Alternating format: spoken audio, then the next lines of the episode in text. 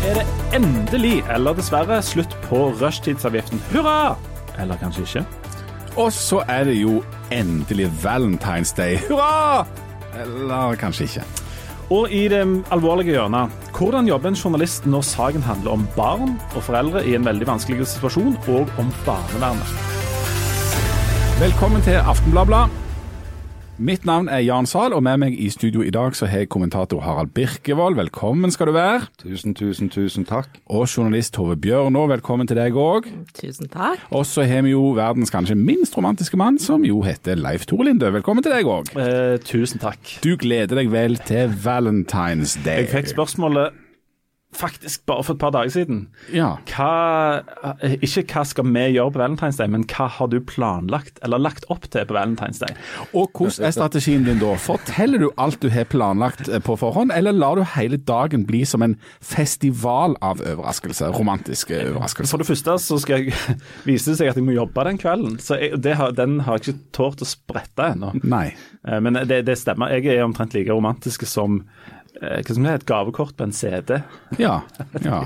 det står ikke så sprekt. Har, du, har, du har lagt opp ei løype der du tenner stearinlys i skogen og Nå tror jeg ikke at, jeg, at min uh, valentinsfeiring heller vil slå ut på noen slags Richterskala innenfor dette med romantikk. Um, dette er jo et moderne påfunn, og vi holder ikke på med moderne påfunn. Dere nekter på prinsipielt grunnlag? Ja, vi har liksom aldri kommet inn i dette. Men altså, driver du med valentinsfeiring? Ikke i det hele tatt. Jeg jeg eh, prøver jo alltid å være på jobb den dagen, så jeg slipper unna. Ja. Men, men, men, vi har jo romantiske ja. folk i studio her. Ja, vi har jo folk som, som, som, er såpass i en blanding av jeg vil si, livskrise og desperasjon eh, at de ikke bare feirer med en, sånn, en dag, men noe permanent. Og, og vi må si jeg har tatovert laksen. det, dette er et familieprogram, vi ja. bare minner om det. Du, i, i, det siste, Harald Birkevold, ja. så er jo du blitt bedre kjent som Blåklokkemannen. Blåklokkemannen, Etter at du tatoverte ei tue med det du påstår er favorittblomsten din på den ene underarmen. Og dette er ikke tull, si, dette er ekte. Mm. Og nå, i går så dukket du opp med noen sånn plastfolie på den andre underarmen. Mm. Og du har, du har tatovert deg igjen. Ja. Kan vi få se? Ja. Vil dere se nå? Ja, ja vi vil se nå. Én, to, tre. Herlighet. altså, dette, dette, altså, Tatoveringer er jo kanskje best på, på radio eller på podkast, men, ja. men, eh, altså, det vi kan si nå det, er, veldig, veldig spesielt. Men ja. på underarmen til Harald Birkevold nå Så. er det en fisk i ørretfamilien. Det er en ørret. Det er en ørret, ja. Og han er, altså, det betyr at han, er, og han, han dekker altså Du vet at du ser at det er en ørret og ikke en laks? Uh, nei. Ørreten har prikker under midtlinja. Den er skal jeg får si at Den er prikkete på oppsida, så han rødlig under. Det betyr at, det, det betyr at han er kåt. Oi, et det Men du, hvorfor i himmels navn har du tatovert deg igjen? Nei, det var jo for valentines, da. Ja. Uh, for, det, for dere er jo så håpløst uh, bak, bak skjema. Jeg, jeg tar grep.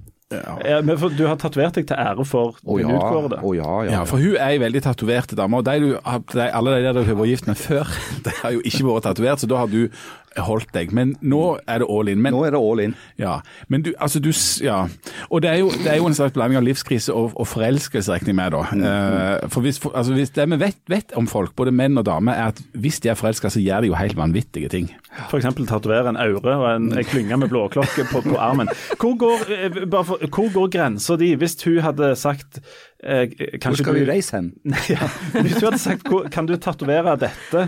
På dette. Ja, og dette er et familieprogram, men bare understreke det. Men, mm. men si at, eh, at, hun kom og spurte mm, hva vil du gjøre for meg? Og så sier du alt, og så sier hun kan du tatovere eh, eh En fisk av laksefamilien? Nei, altså, ja, logoen til, til, til Manchester United oh, ja. eller Brann. Ja. Nei. På brystkassen. Nei, der går grensa. Det, ja, det gjør det. Men du er villig til å strekke deg langt? Ja. Ja, Hva blir neste tatovering? Nå har jeg lyst til å understreke at ingen av disse to nydelige bildene har vært uh, hennes idé, da. Det har vært min. Ja, dette kommer ikke fra deg. Ja. Uh, det kommer fra et sted inni meg som jeg ikke visste fantes. Oh, jeg vet ikke om jeg vil gå der. Du Tove, som representant for det, for det, kvinnelige kjønn. Vil du si at dette med å tatovere laksefisk og, og, og planter på kroppen, syns du det er romantisk gjort? Ja, hvis det er til ære for hun, men jeg syns jo det er litt rart at laksen er på innsida av armen og ikke på låret. Oi, dette er familieprogrammet, familieprogram, vi må understreke det igjen. ai, ai. Ja, men, men, men. Tove, Tove, er, er du vant, har du noen forventninger til liksom Valentine's Day? Ja, hvis jeg får roser, så blir jeg veldig glad. Ja. Jeg vil gjerne bli huska på. ja. Og du, men pleier du å få rose? Eller et eller annet? Ja. Og du gjør det? Men du, nå skal jeg kaste Eller en. Ja, men jeg, nå må jeg få kaste inn en brannfakkel her nå. For det er jo sånn at i et Bare, bare ta et vilt eksempel nå. I et heterofilt eh, kjærlighetsforhold mellom mann og kvinne Det finnes jo annet òg, men, men la oss ta det som utgangspunkt. Så er altså forventningen at det skal gjøres noe romantisk, men er det mannen sitt ansvar? Bare. I og med at det it takes two to tango, det er to stykker som er det forholdet. Driver du, Tove, ikke ta dette som kritikk, og planlegger noe du skal gjøre for han? Nei, Jeg har ikke planlagt, men jeg har såpass god rutine på en måte i å Du er romantisk hele serve folk og, Ja, ja. og gjøre folk glade. At, og passe på bursdager og ja. julepresanger. Så det der tar jeg på strak arm. Gjør du det? Oh, det- Men, men er det, ja, for det er ikke sånn, for er, er Valentine's Day et sånn mannlig ansvar? I, i, sånn, i, i, Jeg har hatt et klart inntrykk av det. I USA og film og sånn, så er det jo er, er det jo det. Men, men eh, da, vi nærmer oss jo òg en annen sånn romantisk X-faktor. Det er denne skuddårsdagen der sånn tradisjonelt at det var da damer kunne fri. Um, så Men har vi ikke kommet lenger i 2020? Jo, jeg mener, vi har- jeg mener vi har kommet lenger. Men hjemme hos oss kan jeg bare si at dette ansvaret ligger uh, hos meg, og jeg svikter år etter år etter år. Og, men, og det gjør egentlig du òg. Ja, ja. Men jeg har jo hørt at du egentlig er jeg har, Du har litt sånn romantiske sider. Ja, har du ikke det? Altså, hvordan fridde du, f.eks.? Ja. Uh, vet du hva? Jeg vet ikke om jeg kan fortelle det engang. Jo, jo, klart du kan fortelle. Jeg, jeg har hørt den historien. Den, den syns jeg folk, faktisk folk fortjener å høre. Kom igjen. Jeg må Nei, vet du hva, jeg kan ikke ta den. Jeg kan, la meg tenke på det til slutten av, pro- av dette programmet, så må vi se. Jeg må, jeg må grunne litt på det. for Men altså bare én ting til om Valentine's. Det, altså, det Ja. er jo, dere er jo begge glad i mat. Eh, dere to, nå snakker jeg til mennene her inne. Eh, dere liker godt å spise. Ja. Eh, så hvis dere er i beit for noe å finne på, så er det jo bare å invitere ut på en restaurant. Veldig mange restauranter har jo òg sånn valentinsmenyer. Du får liksom ting forma som hjerter og roser. Da kan du sitte der og sånn se hverandre østers og dypt inn i øynene over en østers. Ja. ja, altså, jeg er nok um, Vi var ute og åt på lørdag, med. Jo, men da, Altså, var, jeg- da var det jo ikke Jeg valentines. syns folk skal gå ut og ete, og jeg syns de skal kose seg, jeg syns de skal gi blomster, men, men at det nødvendigvis må være akkurat Men, den det- 14. februar, det vet jeg Det, ikke. det der å gå på sånn valentinsmeny, det er jo sånn voksenversjon av å ha, ha bursdag på Leos lekeland, eller sånn hoppesnott-opplegg. Det er jo bare en måte å organisere seg vekk på det. Det er ikke romantisk. Og det må jeg si, til ditt, til ditt forsvar, det der å tatovere en gigantisk fisk fordi kona har presset deg til det, det syns jeg faktisk er bedre. Og nå syns jeg vi skal skifte tema. Takk, takk, takk. Eh, kan, kan vi gjøre det? Du, vi skal om ikke lenge snakke om eh, bommer og rushtidsavgift, et tema Harald Birkevold elsker høyere enn livet sjøl. Eh, men først skal vi snakke om noe annet som er eh, komplisert. Vi skal snakke om barnevernet og litt om oss i pressen. På lørdag så kunne du lese en lang sak i Aftenbladet om en familie og eh, deres historie med barnevernet. Eh, til slutt måtte det fem politibiler og sju politibetjenter i aksjon for å eh, skille en tiåring fra mora si. Gutten ble holdt, lagt i bakken og kjørt bort i en cellebil. Og Denne saken har du, Tove, jobbet lenge med. Det er veldig mange som har lest den, men det er sikkert noen som ikke har lest den òg. Eh, hva er det denne saken egentlig handler om? Nei, det handler jo om en omsorgsovertakelse eh, som barnevernet gjennomfører i sine lokaler. Og eh, den er ikke planlagt, eh, sånn at det, går litt over stokk og stein. Eh, og konsekvensene blir ganske store for denne gutten. Dette er en familie som har en ganske lang historie med barnevern, ikke sant? Mm. Hvordan, altså, hvordan, denne, hvordan havna denne saken i avisa? Altså, hvorfor skriver vi om denne typen saker? Det, er, jo, mange av det, ikke sant? Ja, og jeg hadde fått tips om at om denne saken at det var en omsorgsovertakelse på gang, og, og noen ville at vi skulle skrive om det. Jeg hadde sagt nei, for det, det er enormt eh, ressurskrevende og veldig vanskelige saker å gå inn i. Men så skjedde denne, denne dagen, da, der vi fikk tips. For det var mange vitner og folk som hadde sett at det var politi som kom til barnevernet sine lokaler, og folk lurte på hva som skjedde og sånn. Eh, og så skjønte jeg etter hvert at det er den familien jeg hadde eh, vært hørt om før. Og så tenker jeg jeg må iallfall finne ut hva, hva skjedde her. Um, ja. Hva, er det som skjer den, den, den dagen, altså når politiet kommer til barne... Dette er barnevernet sine lokaler dette skjer, ikke sant? Mm. Ja, altså politi, Politiet ble jo ringt opp først av uh, en ansatt fra barnevernet som sier at de skal ha en omsorgsovertakelse, at de er redde for at det skal bli utagering. Eh, og politiet spør litt videre. Er dere, eh, og så, ja, så sier barnevernet at disse folka er farlige. Både mora og barnet er farlige. Eh, og politiet spør ok, er dere virkelig redde for at de skal skade dere, og de svarer ja på det. Og så sier vi det er ikke vanlig at vi er til stede på sånn og står klar, så dere får ringe hvis det er et eller annet som skjer. Og så Eh, er dette møtet mellom mor og ei dame som er besøkshjem for disse ungene, og to stykker i barnevernet, eh, der de får beskjeden om at ungene skal tas i dag. Da trodde mor eh, og hun dama fra besøkshjemmet at de var kommet for å ha en samtale om hvordan de skulle få til en myk omsorgsovertakelse og finne gode fosterhjem. Eh, men de får beskjed om å gjøre det i dag, og det fører til at mor eh, reagerer. Eh, og kontaktpersonen i barnevernet opplever hun som truende. Men det er en annen person i barnevernet som ikke er inne i rommet, som ringer politiet, og da ringer hun nå 112 og sier at nå truer mor med slå. Og det gjør at de sender ut den første patruljen her. Når de kommer til stedet, så beskriver de at det er rolig. Og de blir bedt om å gå inn på et rom og stå klare i tilfelle det skal skje et eller annet. Og da vurderer de at hvis det skulle skje et eller annet, så er de for få til å håndtere det. Eh, og det gjør eh, at det kommer flere De ber om å få assistanse. Og før, eller mens det kommer flere politibiler til stedet, så prøver mor å gå. Hun prøver å forlate lokalet og si ha det til ungene sine. Eh, noe som gjør at denne tiåringen springer forbi mor, eh, mens det er et annet yngre barn som klamrer seg fast til henne. Eh, og han prøver å komme seg ut, men det er en sånn dørknapp, så han klarer ikke å få åpna døra. Og tar tak i en gyngehest som han slår med, med, på døra. Da ber barnevernet politiet om å gripe fatt i han. Og det gjør de. Uh, og det har vi jo hatt et sånn lite videoklipp av. De står og holder han fast uh, og sier at han må roe seg ned. Og så vet vi at han senere blir båren inn, på, inn i lokalene, og at han blir lagt i bakken og holdt i bakken av tre politibetjenter. Og senere så blir han da kjørt av gårde i en eh, cellebil Barnevernet vet ikke hvor han skal hen. De har ikke klart noe beredskapshjem eller, eller sånn, så de jobber febrilsk med å få tak i noen som kan ta vare på gutten. Og så kjører de han også av gårde i en cellebil eh, sammen med en fra barnevernet og en politimann. Eh, og kjører han til en institusjon for 13- 18-åringer.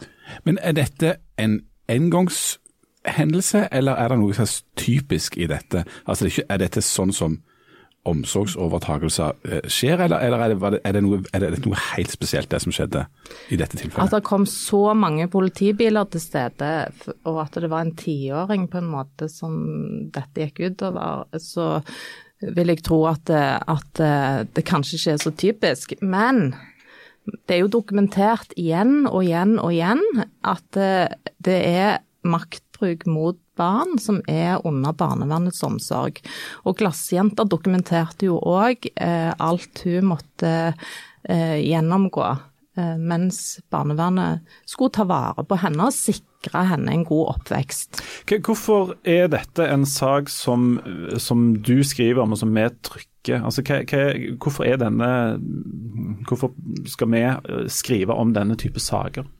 Nei, det er det at vi ser at dette får, kan få store konsekvenser for en, et veldig lite barn. Altså vi snakker om en tiåring, og vi snakker om et enda yngre søsken som sto og så på dette, og som opplevde at broren holdt på å bli drept.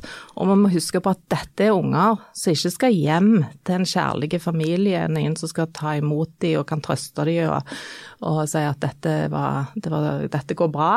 De skal altså videre til et ukjent sted eh, der de ikke kjenner noen, og de er tatt ifra eh, foreldrene sine. Og det, det, mener vi jo ikke nøye om her, men, men eh, de har en tilknytning til foreldrene sine. Men barnevernet driver jo per definisjon med vern av barn. Det er et barnevern. Mm. Eh, I disse sakene så kommer barnevernet ikke nødvendigvis så veldig, veldig godt ut av det. Eh, hvordan tenker man, altså Vi skriver jo ikke så veldig mye om når, når barnevernssaker der det går fint, altså der de har lykkes i å verne barnet. Uh, og det, ja. Hvordan er på en måte balansegangen der mellom å, å, gå inn i disse sakene, men, men uh, og hvor blir det store bildet av å, å hjelpe barnevernet flere barn enn det si, skader eller ikke uh, hjelpe? Det får jeg håpe. Jeg tror det. Mm. Men nå er jo vår jobb eh, i pressen de, som, den er å se på de tingene som ikke fungerer, og sette fokus på det. Eh, og det kan jeg, jeg, skjønner at det kan virke kjipt eh, for og, og veldig ubehagelig for noen som føler at de står i tøffe eh, tak og gjør en viktig jobb og prøver å gjøre så godt de kan for å redde unger. Altså det er enormt, et enormt press eh, barnevernsansatte er under hele veien, og det, jeg skjønner det. Men de, vi må ikke glemme at de har et enormt ansvar, eh, og de har stor makt over folk sine liv. Og da setter vi ekstra store krav til at den jobben de gjør, eh, er kvalitetssikra, og at det er god gjennomføringsevne i alle ledd. da. Men det er jo ikke sånn at vi ikke skriver positive saker. Men de drukner Altså det er lettere å huske disse. Så vi er jo Vi har jo fulgt barnevernsansatte ute på jobb og skrevet hvordan de har det. Eh, vi har skrevet om seminarer og faglige temaer som de er opptatt av. Og vi har òg skrevet om at de trenger fosterhjem, og lagd reportasjer som skal gjøre at, eh, at folk eh, henvender seg til dem. Så, så, så det skjer jo òg. Men det er klart dette slår hardere. Mm. Jeg bare har lyst til å skyte inn der, Tove, at altså, det å ta ungene fra noen er jo et så alvorlig inngrep uh, at det eneste det kan sammenlignes med, er jo uh, lange fengselsstraffer. Eh, når det gjelder inngrep fra liksom, staten mot et individ. Mm. Og Da er jo egentlig toleransen for feil eh, nokså nær null. Mm. Sånn at Det hjelper jo ikke å si at jo, barnevernet redder flere unger enn de skader. De skal ikke skade noen unger. Nei, sånn at, Ellers så får du en sånn falsk balanse, mener jeg. Mm. Så, så, det er helt naturlig. Det, det, er jo på en måte midt i eh, mediene sitt såkalte samfunnsoppdrag å følge med på hva barnevernet eh, jobber med. Og, og det må jeg si at eh, barnevernet har nok, i hvert fall historisk sett, og dette vet du mer om enn meg, men mitt inntrykk er at historisk sett så har barnevernet i for stor grad eh, unndratt seg eh, oppmerksomhet og, og, og, skjult seg bak eh, sånn taushetsplikt og, og, sånne runde formuleringer. Mm. Jeg tror barnevernet generelt hadde vært tjent med å være mer åpne om virksomheten sin.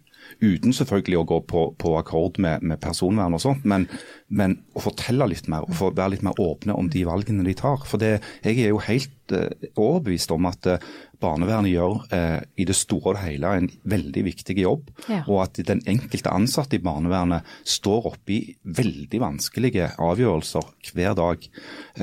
Og alle vet at folk som står oppe i veldig vanskelige avgjørelser på en daglig basis, av og til gjør feil. Mm. Og det, det, er for så vidt greit, det. Men hvis dere har gjort en feil, innrøm det og prøv å lære av det, mm. istedenfor å skjule det. Ja. Um, det, det, er jo uh, Hender det at vi altså, Det er vanskelig for uh, når vi snakker om én konkret sak, sånn, å snakke om liksom, det store bildet. Men jeg, jeg tror nok det er en følelse i f.eks. barnevernet at mediene er med på å gi dem et litt sånn ufortjent dårlig rykte. Uh, og der snakkes om at eh, det er kanskje for få unger der barnevernet eh, griper inn og sånt. Er det sånne, sånne ting som, eh, som, du som journalist tenker på når du går i gang med noe sånt, eller konsentrerer du deg om på en måte denne saken og bare følger den? Nå konsentrerer jeg meg om denne saken, men det, det ligger en grunnleggende forståelse hos meg i at de har en tøff jobb, og, og det er jo det vi håper at når vi setter fokus på sånne ting, eh, så, så går de litt i seg sjøl. Så går eh, de som skal kontrollere eh, barnevernet òg inn. Og så får du endra type rutiner. Du får fokus på ledelse. Det kan være du ser at OK, hvis, det, hvis konsekvensen er sånn som dette, skal vi bevilge mer penger? Trenger de mer folk? Nå er det jo satt av litt penger i inneværende periode her i Stavanger til ti nye stillinger. Men, men er, det, er, det, nok, og opp, går opptrappingen fort nok? Sånn at hensikten med å belyse dette er jo òg at ting skal bli bedre.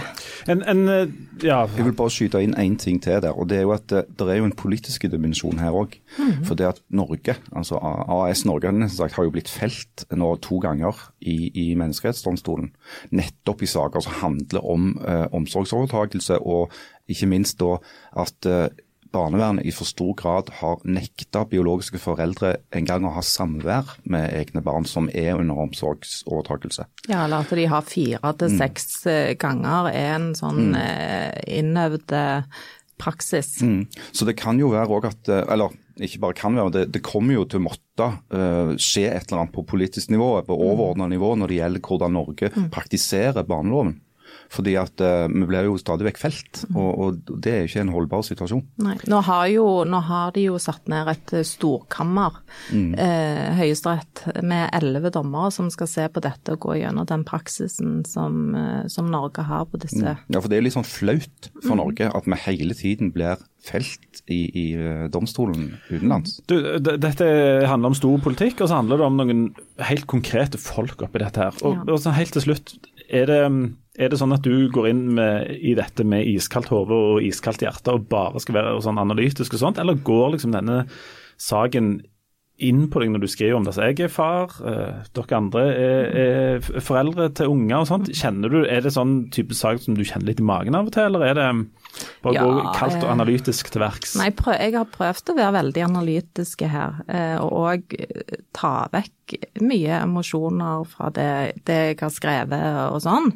Men, men, det er klart det gjør inntrykk, og det som gjør inntrykk, det er at det, det som gjør mest inntrykk, det er at det, det ser ut som systemet glemmer at dette er et barn. Og det, det, da blir jeg veldig indignert, og jeg kjenner at det berører meg veldig sterkt. Altså dette er et ti år gammelt barn, sårbart. Eh, og vi kan kanskje tenke at det, det er ikke sikkert denne tiåringen er ti år i hodet engang. Eh, altså det kan Sånn at eh, det, det berører meg. Mm. Denne saken må dere gå inn og lese, og det kommer nok til å bli skrevet mye mer om dette her etter hvert. Nå skal vi eh, skifte tema til en sak som Harald Birkevold altså elsker høyere enn selve livet, og tatoveringer. Ja.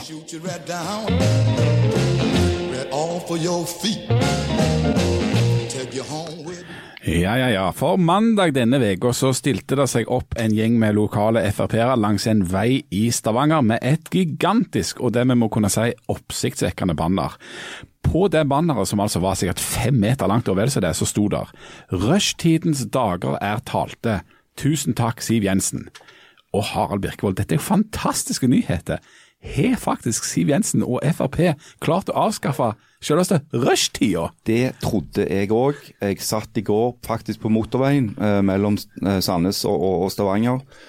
Og det sto bom fast. Nei, da var det rushtid likevel. Det var rushtid likevel, den var ikke fjerna. Men mandag, ja fortell, hva som har skjedd? Jeg mener noen må gå. Ja, noen må gå. Ja, for det at det, det, jeg kan godt gå hvis det hjelper. ja, du, ja, men altså, det, det, er jo helt, det er jo egentlig en skandale. Her, her står de og sier at Siv Jensen har fjerna rushtiden. I, I, en sånn type markering som, som, det var noe litt sånn trumpsk over. Ja. Altså, en, en inviterer store leder, Siv, Eh, og, og lage en svær plakat med 'Takk, Siv', og så kake til Siv og all slags sånn. Eh, og, så, og så sier jeg at da er rushtiden vekke, og så er han ikke vekke. Nå må dere slutte å rolse. Dette handler om rushtidsavgiften. Det var bare ikke mer plass til å skrive avgiften. Ja, okay. For mandag var altså den første dagen uten rushtidsavgift på Nord-Jæren. Mens vi da stakkars oss som har elbiler òg må begynne å betale halve takst. Buhu. Sandnes-ordfører Stanley Virak han jubler. Venstre sin Jan Erik Sønderland kalte det en kjempetabbe. Og Høyres Jon Peter Hernes forventer mer kø. Mens Frp altså erklærer rushtida som avvikla. Og Frode Frode Myrhol og Folkeaksjonen Nei til mer bompenger, hvor de har egentlig ikke sett noe til. Harald Birkvold, hvem er det som har mest grunn til å juble her? Uh, det er vel de mange som syns det var litt dyrt å betale rushtidsavgift. Eh, de har jo grunn til å juble, for de kommer jo til å spare masse penger eh, på det. Ja. Eh, Så det skjønner jeg jo. Og så skjønner jeg jo for så vidt òg, fordi at jeg skjønner jo litt i alle fall av det politiske spillet at hvorfor Frp jubler så voldsomt. Men er det, er det Frp sin fortjeneste? Er det de som har sørga for dette? Altså, Dette er jo en sak hvor Frp først lagde, var med og lagde problemet, og så jubler de fordi at de løste det. Eh, fordi at uh, Rushtidsavgiften er jo en del av den der store pakken av tiltak som skulle til for å oppfylle regjeringen sitt mål om nullvekst i storbyene. Hva er nullvekstmålet for Norge? altså det er Regjeringens politikk det er at trafikken i de norske storbyområdene skal eh, helst gå ned, og iallfall ikke øke. Og så har de sagt til storbyområdene kom opp med tiltak for å få til det. Hvis dere klarer det, skal dere få massevis av penger. Hvis dere ikke klarer det, ingen penger. Sant? Så har storbyområdene holdt på og tenkt hva skal vi gjøre for å få trafikken ned. Så har jeg tenkt kan vi ha en rushtidsavgift som gjør det så dyrt å kjøre om morgenen og ettermiddagen at mange velger å la være. Så vil jo det få trafikken ned. Ja, funker det? Eh, ja, til dels så gjorde de jo det. Altså, det, altså Køene ble jo mindre uh, i, i, tiden etter innføringen av rushtidsavgiften. Og nå er jo Nord-Jæren Og, ja, men, ja. si det, at, eh, så var det jo en periode hvor rushtidsavgiften ble fjerna igjen fordi at det var noe teknisk feil. Da gikk trafikken opp igjen. Ja. Så sånn jeg tror jo på. Hernes når han sier at den kommer til å øke. Og Nord-Jæren er nå det eneste storbyområdet i Norge uten rushtidsavgift. Er det altså sånn at alle de andre storbyområdene har misforstått et eller annet, eller er det Nord-Jæren som nå har et problem for å oppnå dette, Altså, dette, er, målet? dette er politikk med stor P. Fordi at Nord-Jæren var jo på en måte arnestedet, ground zero, for dette her bomopprøret. Det var her hele greiene begynte. Bomopprøret endra det politiske landskapet på Nord-Jæren. Fordi at eh, Folkeaksjonen Nei til mer bompenger kom på vippen i Stavanger og valgte venstresida. Derfor har vi Ap-ordfører i Stavanger nå. I Sandnes så har bomopprøret ført eh, eh, sant, Frp og FNB inn med store styrker i bystyret. Eh, Sola fikk ny ordfører fra Fremskrittspartiet. Sånn at dette her har hatt store politiske konsekvenser. Og den store taperen iallfall sett fra Stavanger-perspektiv, var jo Fremskrittspartiet, som ikke fikk kapitalisert på bommotstanden sin med en stor uttelling i valget, og mista makt. Eh, Så Derfor så er det viktig for Siv Jensen og Fremskrittspartiet, og nå som de er i opposisjon, å på en måte eh, få folk til å glemme alt det de var med og gjorde når de satt i regjering, og være et rent opposisjonsparti, og da feire en sånn seier. Men nå er det sånn, da sitter det da en gjeng med politikere her i dette endra politiske landskapet på Nord-Jæren, som eh, da eh, vil få et visst pengeproblem etter hvert. Altså, eh, Rushtidsavgiften var beregna å få inn 180 millioner kroner i året. Den halve elbilavgiften får inn en 85-90 millioner. Der er det en 90 millioner i, som mangler.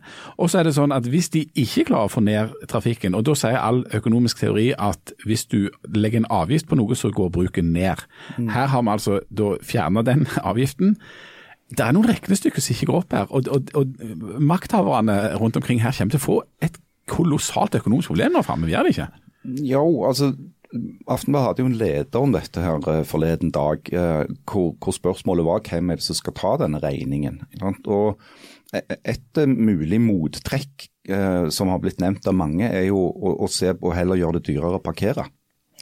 Eh, sånn at en kan ta inn penger i, i den enden. Det vil jo heller ikke være ukontroversielt. og Det vil òg eh, være en sånn typisk sak hvor det blir konkurranse mellom Svanger og Sandnes. Eh, fordi i Sandnes er, er, er den politiske stemningen slettes ikke for økte parkeringssatser, snarere tvert imot. Sånn at, eh, men det er jo sannsynligvis et potensial for å ta inn en del der, da, hvis det blir gjort. Men er ikke rushtid at folk kjører til og fra jobb. Du parkerer jo ikke midt i, i, i sånn parkometerområdet midt i sentrum. Du kjører ut til disse industriområdene og, og næringsområdene der folk eh, parkerer på jobben. Stemmer det. En parkeringsavgift vil virke på en annen måte Eh, den kan jo òg ha den effekten at den får, la, eh, får folk til å la bilen stå, da. Eh, sånn at den totale trafikkveksten eh, går, eller dempes. Men eh, jeg er jo helt enig med deg. Altså Her er det et regnestykke med et ganske stort rødt tall i bånn. Og det er det jo nødt til å finne ut av. Og Aftenbladet har på lederplass erklært seg som tilhenger av rushtidsavgiften, hvor upopulær den enn er. Ja, og det er jo ikke fordi at vi syns det er spesielt kjekt å avgiftsbelegge, men fordi at vi tror at dette er tiltak som kan føre til at målet blir nådd. Nemlig eh, altså ikke vekst i trafikken. For det at det står jækla mye penger på spill. Men, men finnes det ingen andre måter å få ned eh, trafikk og forurensning og sånt på enn å, eh, at folk skal måtte betale dobbelt et par timer i døgnet? Er det liksom Jo. den eneste medisinen? Nei, at det er ikke det. Altså, da, dette er jo òg en sånn eh, altså, virkemiddeldiskusjon. Skal du bruke mest pisk eller mest gulrot? Eh, avgifter er typisk pisk. Sant? Gulrot er f.eks. mye bedre kollektivtilbud, lavere priser på bussene. Det høres billig ut. Det, nei, det. òg er jo dyrt. sant? Ja, der har du det. Ja, og det, Hvordan fikser du det på null komma svisj? Nei, du, det er ingenting som fikses på null komma svisj. Hvor mye tid har vi på oss da? Altså, Når er det de, de bestemmer om en har nådd nullvekstmål, og, og om det kommer milliarder hit eller ikke? det måles jo kontinuerlig. Uh, og det betyr at eh, altså, vi har jo ikke kjempegod tid i, på Nord-Jæren til, til å få en slags løsning på dette. her. For øyeblikket så, så er det jo et veldig forvirrende bilde. Ikke minst fordi at det ikke er noe særlig altså, det er ikke enighet mellom kommunene om hvordan disse tingene skal innrettes. Eh, Det har jo òg ført til at store prosjekter har blitt satt på vent, fordi at det rett og slett ikke finnes politisk støtte i den én kommune til å gjøre det. Så, så bildet her er forvirrende, og det blir nesten mer forvirrende for hver dag. Ja, For å bidra til den forvirringen, så åpner de jo altså Mange prosjekter har blitt satt på vent, men mange prosjekt blir åpna. Så det åpner jo hele drøss med veier og tunneler rundt omkring i regionen akkurat nå. Sånn at Et annet bidrag for å få ned trafikken er å bygge voldsomt mange nye veier og tunneler. Er det, er der, um, det er nok noen som nå går med en slags forventning om at dette er første steg i denne raketten som til slutt slår ned og fjerner alle bomstasjoner. Og Det, jo, det har jo vært diskusjoner, ikke bare med de som er ihuga bommotstandere, men òg liksom, over det hele det politiske spekteret om å finne andre måter å ordne dette på. Um, Tror du vi har bommer som står eh, sånn som de gjør nå om fem-ti år, eller har vi funnet et annet system for det? Jeg tror vi har bommer, men det kan være at vi har bommer som ikke er fullt så teite som de vi har nå. Altså, Smarte bommer. Smarte bommer. Smart bom. Eh, smarte bommer som, men det har òg sine sider ved seg. Hvis du har smarte bommer, så betyr jo det at du blir registrert og overvåket på en helt annen måte. At bommen vet f.eks. hvor mye du tjener eller hvor mange unger du har. Eh, og at du får en egen takst ut ifra hvor god betalingsevne du har. Kunne kalt det skatt eller et eller annet? Ja, det, det er jo selvfølgelig et alternativ. Det er jo bare å ta alt inn gjennom skatten og fordele det den, den veien. Men det er det jo òg politisk eh, motstand mot. Er det noen sjanse for at hele bomringen på Jæren forsvinner? Nei. Ikke på kort sikt. Altså Bomringen på Jæren skal jo, skal jo ikke bare sørge for at nullvekstmålet blir nådd, den skal jo òg hente inn penger til en masse nye prosjekter som er på gang. Altså nye veier for å få trafikken enda mer ned. Ja, nye veier for å få trafikken ned, eller, eller nye bussveier eller sykkelveier, eller hva det nå måtte være. Mm. Uh, hvem er det som har vunnet denne saken her, sånn politisk? Hvis du skal utpeke en seierspall, tredjeplass? Altså, her er det vel litt vanskelig å peke på, på vinner. Du kan si at, Som jeg sa helt innledningsvis, sånn, rent politisk sett så vant jo FNB, altså Folkeaksjonen, på den måten at de kom på vippen i Stavanger og fikk være med å bestemme. Eh, Men samtidig har jo de hatt en enorm omkostning ved det, for det at mange har jo begynt å, beskylde dem for eh, løftebrudd. Hvordan kan et erklært bompengemotstanderparti eh, samarbeide med erklærte bomtilhengere som Miljøpartiet? og Det er jo ikke noe som det er lett for de å svare på. Men svaret er jo at de tror det er lettere å få innflytelse i posisjon enn i opposisjon. Litt sånn som Fremskrittspartiet argumenterte når de var i regjering. Og MDG da i den andre enden, som altså ville ha inn mer bommer, men nå blir rushtidsavgiften eh, senka. De vinner vel ikke noe voldsomt på det heller, altså, og sitter med makta. dette ser jo ikke så fint ut sett fra de side. Dessuten så kommer jo en annen ting òg på toppen, som liksom sånn flagget på toppen av kransekaka. Og det er jo denne her eh, veldig ambisiøse miljøplanen til Stavanger kommune, hvor utslippene skal kuttes med 80 eh, Jeg lurer på hvor mange som innerst inne tror at det kommer til å gå.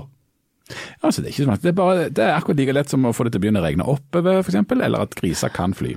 Det er bare å tro. Du, når du sier uh, uh, Nei, griser kan fly. Dette ble en veldig dårlig overgang til Men jeg kom plutselig på at du hadde lov til å fortelle om, om Lovte jeg det? Ja, en liten, en liten litt romantisk avslutning nå. nå, nå Ja, si det er da. Skal bjude litt på. Vi skal få on the spot. Nå skal dere få høre eh, Jan Zahl sitt frieri. Oh, dette kommer jeg sikkert til å angre så kolossalt på og få en del kjeft for. Men OK. Um, jo, det var sånn. Jeg hadde nå møtt deg, um, og vi hadde egentlig ikke brukt sammen så voldsomt lenge. Men så hadde jeg fått en idé. Uh, og den uh, oppsto i forbindelse med at vi skulle til Afrika, av alle ting. Og så hadde jeg en kompis som bodde der, og han fortalte at han hadde nå gifta seg der nede. Um, og så tenkte jeg hm, det kunne jo vært løye og litt romantisk. Men så var problemet det at hvis du skal gifte deg i utlandet, så må det gjøres en del sånn papirarbeid på forhånd. Sikkert for å unngå mye sånn proforma og alt dette her. Og, og alt dette med sånn papirarbeid er jo ikke så romantisk. Uh, og i tillegg så var det sånn at det var noen tidsfrister der. Og alt dette førte til at jeg etter hvert så at det var en veldig tydelig tidsfrist for når jeg måtte eventuelt ha fått avklart om vi eventuelt skulle gifte oss. eh, På dette tidspunktet, der og da. Eh, Noe som gjorde at eh, min egentlige plan om å sikkert gjøre et eller annet romantisk, for jeg hadde jo også sett amerikanske filmer om folk som går ned på kne og, og ringer som oppstår, og romantiske middager og alt det der. Men det var så mye sånn logistikk og mikk-makk, og vi var liksom aldri eh, sammen samtidig. Og, og på, liksom, at det var liksom ingenting som gikk opp der. Og etter hvert så nærma denne dørlinja seg, rett og slett. Så, så, så jeg hadde rett og slett ikke så veldig mye valg. Så en, jeg tror det var en tirsdagsmorgen, så var vi på badet eh, da, i Oslo. Det var et ganske lite bad. Uglamorøst bad med sånn, eh, sånn, bare sånn, sånn sånn, he- sånn rundt dusjen, sånn, sånn, sånn gardin. Forheng. Ja, sånn forheng ja, i plastikk. da.